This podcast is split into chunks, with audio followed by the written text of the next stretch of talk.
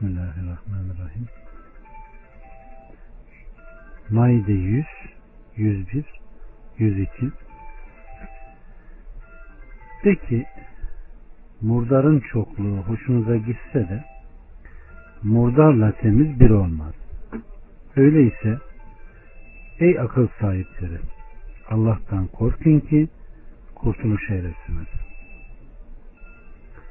Ey iman edenler size açıklanınca hoşunuza gitmeyecek olan şeyleri sormayın. Kur'an'a indirilirken onları Kur'an indirilirken onları soracak olursanız size açıklanır. Allah bunları affetmiştir. Allah gafurdur, halimdir.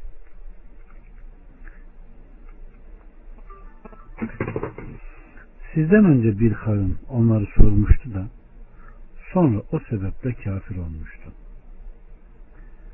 Allah subhanahu ve teala burada gereksiz soru sormayı yasaklıyor.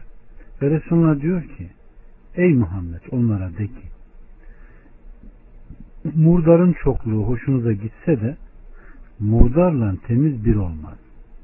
Ey insanlar murdar ne kadar çok olursa olsun onun çokluğu neticeyi değiştirmez. Faydası az bir helal zararlı olan pek çok haramdan daha hayırlıdır. Ve aleyhissalatü vesselam Efendimiz de az olup da yeten çok olup da aldatandan daha hayırlıdır demiştir. Ve öyleyse ey akıl sahipleri Allah'tan korkun ki kurtuluşa eresiniz. Yani ey doğru ve sağlam akıl sahipleri haramdan kaçının ve onu terk edin. Helala kanaat edip yetinin ki dünya ve ahirette felaha eresiniz. Evet. Ve Enes'ten gelen bir rivayette Aleyhisselatü Vesselam Efendimiz bir gün bir hutbe okudu. Onun benzerini bir daha hiç işitmemişimdir. Hutbesinde şöyle dedi. Eğer siz benim bildiğimi bilmiş olsaydınız az güler çok ağlardınız. Enes diyor ki Aleyhisselatü Vesselam'ın ashabı işten ağlayarak yüzlerini örttüler. Adamın birisi Ey Allah'ın Resulü benim, benim babam kimdir dedi. Aleyhisselatü Vesselam senin falancadır. Senin baban falancadır. Bunun üzerine bu ayet-i kerime indi. Bu hadisi Nadir Revir İbn Ubade şube nakletmiştir.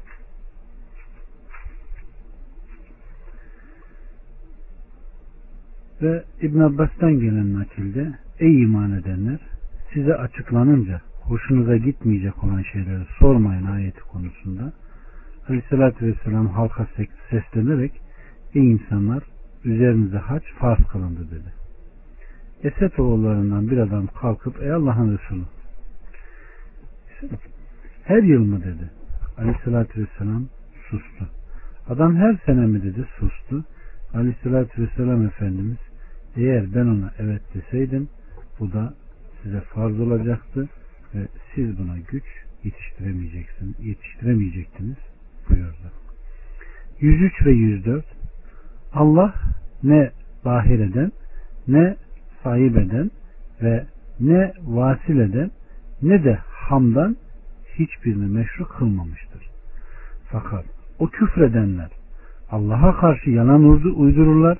Onların çoğunun ise akılları ermez. Onlara Allah'ın indirdiğine ve peygambere gelin denildiği zaman atalarımızı üstünde bulduğumuz şey bize yeter dediler. Ya ataları bir şey bilmiyor ve doğru yola gitmiyorlar idiyse evet bu da onların anlamsız hurafeler yığını olduğunu gündeme getiriyor. Bukhari'den Said İbni Müseyyep şöyle demiştir. Bahire sütü putlar için alıkonan ve hiçbir şey kimseye emzirilmeyen hayvandır. Sayıbe ise müşriklerin ilahları için başıboş bıraktıkları ve üzerine hiçbir şey yüklemedikleri hayvandır. E, Said İbni Müseyyep der ki Ebu Hureyre Aleyhisselatü Vesselam'ın şöyle dediğini bildirmiştir.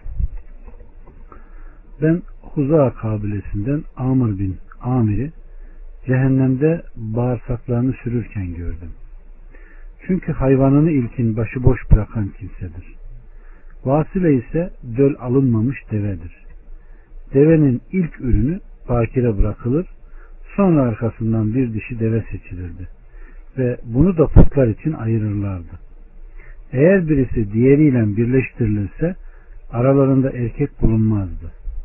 Ham ise devenin doğuranıdır. Belirli sayıda doğum yaptıktan sonra onu putlar için ayırırlardı. Ve bir daha hamile bırakmazlar. Ona yük yüklemezlerdi. Yük yüklemedikleri için ona korunmuş anlamına gelen hami adı verirlerdi. Fakat o küfredenler Allah'a karşı yalan uydururlar. Onların çoğunun ise akılları ermez. Allah bunların hiçbirini meşru kılmadığı gibi bunlar kişiyi Allah'a yaklaştırmaz da. Ancak müşrikler bunları kendileri uydurmuşlardır. Kendileri kurallaştırmışlar ve Allah'a yaklaşma için vasıta kılmışlardır. Halbuki bununla Allah'a yaklaşamazlar. Aksine bu onlar için bir vebaldir. Onlara Allah'ın indirdiğine ve peygamberine gelin denildiği zaman atalarımızı üzerinde bulduğumuz şey bize yeter dediler. Yani onlar Allah'ın dinine ve şeriatına çağrıldıklarında Allah'ın vacip kıldığını yerine getirme, haram kıldığından kaçırma üzere davet edildiklerinde derler ki babalarımızı, atalarımızı üzerinde bulduğumuz yollar bizim için yeterli. Allah subhanahu ve teala onlara şöyle der. Ya ataları bir şey bilmiyor ve doğru yola gitmiyorlar idiyse yani hakikati anlamıyor, bilmiyor ve doğru yolda yürümüyorlarsa onların peşinden nasıl gidebilir? Onlardan daha bilgisiz ve daha sapık olan kimselerden başkası atalarının izinden gider mi hiç? 105 Ey iman edenler! Siz kendinize bakın. Siz doğru yolda bulunursanız sapıtmış olanlar size zarar veremez. Hepinizin dönüşü Allah'adır. Yapmış olduklarınızı o size haber verecektir.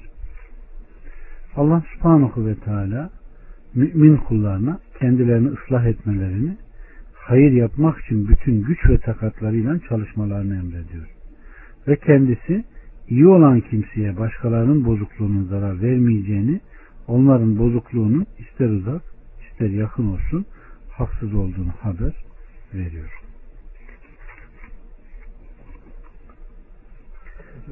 Güç güç. 106, 107 ve 108 Ey iman edenler! Herhangi birinize ölüm gelip çattığı zaman vasiyet anında aranızda ya adalet sahibi iki kişiyi veya yolculukta olup başınıza ölüm musibeti gelmişse sizden olmayan iki kişiyi şahit tutun. Onlardan şüpheleniyorsanız namazdan sonra alıkoyarsanız da Allah'a şöyle yemin ederler. Akraba bile olsa yeminle hiçbir bir şeyi değiştirmeyiniz. Allah'ın şahitlerini şahitliğini gizlemeyeceğiz yoksa elbette günahlardan oluruz. Şayet onların aleyhinde gerçekten bir vebale hak kazanmış oldukları ortaya çıkarsa onların aleyhlerine hak iddia ettikleri iki kişi bunların yerine geçer. Ve bizim şehadetimiz onların şehadetinden daha doğrudur. Biz haddi aşmadık. O takdirde biz doğrusu zalimlerden oluruz diye Allah'a yemin ederler. Bu şehadeti gereği gibi yapmalarına veya yeminden sonra yeminlerinin reddedileceğinden korkmalarına daha yakındır. Allah'tan korkun ve dinleyin. Allah fasıklar grubunu hidayete erdirmez. Bu ayet-i kerimeler gurbat, gurbette ölümü ve şehadeti anlatıyor. Çok önemli bir hüküm aslında. E, bu rivayet Abdullah İbn Abbas'tan gelir. Onlar mensuh olduğunu söyleyenler de olmuştur ama ey iman edenler herhangi birinize ölüm gelip çattığı zaman vasiyet anında aranızda ya adalet sahibi iki kişi ya da yolculuk olup başınıza ölüm musibeti gelmişse sizden olmayan iki kişiyi şahit tutun kavli hakkında şahit tutun kavlinin haberidir denmiştir. Yani sizden yani Müslümanlardan. Orada eğer müminlerin bulunmayış halinde zımmilerden şehadetlerinin caiz olması için bu iki şartı koymuşlardır. Evet. Sutti'den gelen nakilde kardeşlerim Allahü Teala'nın ey iman edenler herhangi birinize ölüm gelip çattığı zaman ayet hakkında söz konusu edilen vasiyetin ölüm anında olduğunu söylemişlerdir. Kişi öleceği zaman vasiyet eder ve Müslümanlardan iki kişiyi de lehinde ve aleyhinde olan konularda şahit tutar. Hazarda da durum böyledir. Seferde ise sizden olmayan iki kişiyi hükmü caridir. Bu kişiye seferdeyken ölüm gelir çatar. Yanında Müslümanlardan kimse bulunmaz. Bu takdirde Yahudi veya Hristiyan veya Mecusilerden iki kişiyi çağırır ve onlara vasiyet ederek mirasını verir. Onlar da bunu kabul ederler. Ölenin ailesi vasiyete razı olur ve kabul ederlerse gayrimüslim olan o iki kişi kendi hallerine bırakılır. Şayet şüphelenilirse konu hakime götürülür. İşte Allahü Teala'nın onlardan şüpheleniyorsanız namazdan sonra alıkoyarsanız sonra yemin ederler kavlinin manası budur. 109 Allah peygamberleri topladığı gün şöyle buyurdu. Size ne cevap verildi? Onlar da bizim bir bilgimiz yoktur. Doğrusu kayıpları bilen sensin derler. Bu ifade peygamberlerin kıyamet gününde Allah Azze ve Celle'nin hitabına nasıl muhatap olacaklarını ve kendilerinin gönderildikleri milletlere nasıl karşılık verdiklerini soruşturmasına karşılık bir haberdir. Nitekim Rabbimiz başka bir yerde muhakkak ki ben kendilerine peygamber gönderilenlere elbette soracağız. Bir başka yerde Rabbine andolsun ki biz onların hepsine yapmakta oldukları şeylerden elbette sual edeceğiz. 110 ve 111 Hani Allah ey Meryem ey Meyrem oğlu İsa senin ve ananın üzerindeki nimetimi hatırla demişti. Hani seni ruhul kudüs ile desteklemiştim. Beşikteyken de yetişkin iken de insanlarla konuşuyordun. Hani sana kitabı, hikmeti, Tevrat'ı ve İncil'i öğretmiştim. Yani sen benim iznimle çamurdan kuş gibi bir şeyler yapıyordun da içine üflüyordun ve benim iznimle kuş oluyordu. Hani sen anadan doğma körü ve abraşı benim iznimle iyi ediyordun. Hani ölüleri benim iznimle diriltiyordun. Ve hani İsrailoğullarını senden çekmiştim. Kendilerine apaçık ayetler getirdiğim zaman işlerinden küfredenler bu apaçık bir büyüdür demişti. Hani ben havarilere bana ve peygamberime iman edin diye vahyetmiştim de inandık. Şahit ol ki biz Müslümanlarız demişlerdi. Allah subhanahu ve teala Hazreti İsa'ya lütfu keremini anlatıyor ve ona verdiği mucizeleri zikrediyor ve teker teker bunları söylüyor.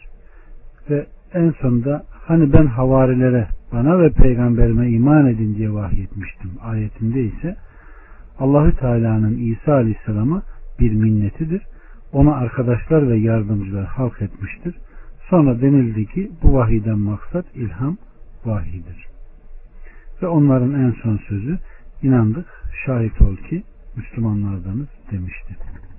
112'den 115'e kadar hani havariler er ey Meryem oğlu İsa Rabbim bize gökten bir sofra indirebilir mi demişlerdi de o eğer inanmışlarsanız Allah'tan korkun demişti. Demişlerdi ki istiyoruz ki ondan yiyelim. Kalplerimiz yatılsın ve senin bize hakikaten doğru söylediğini bilelim de biz de ona şahitlerden olalım. Meryem oğlu İsa da Allah'ım Rabbimiz üstümüze gökten bir sofra indir ki bizim hem hem öncekilerimiz hem de sonrakilerimiz için bir bayram ve senden bir ayet olsun. Bizi rızıklandır.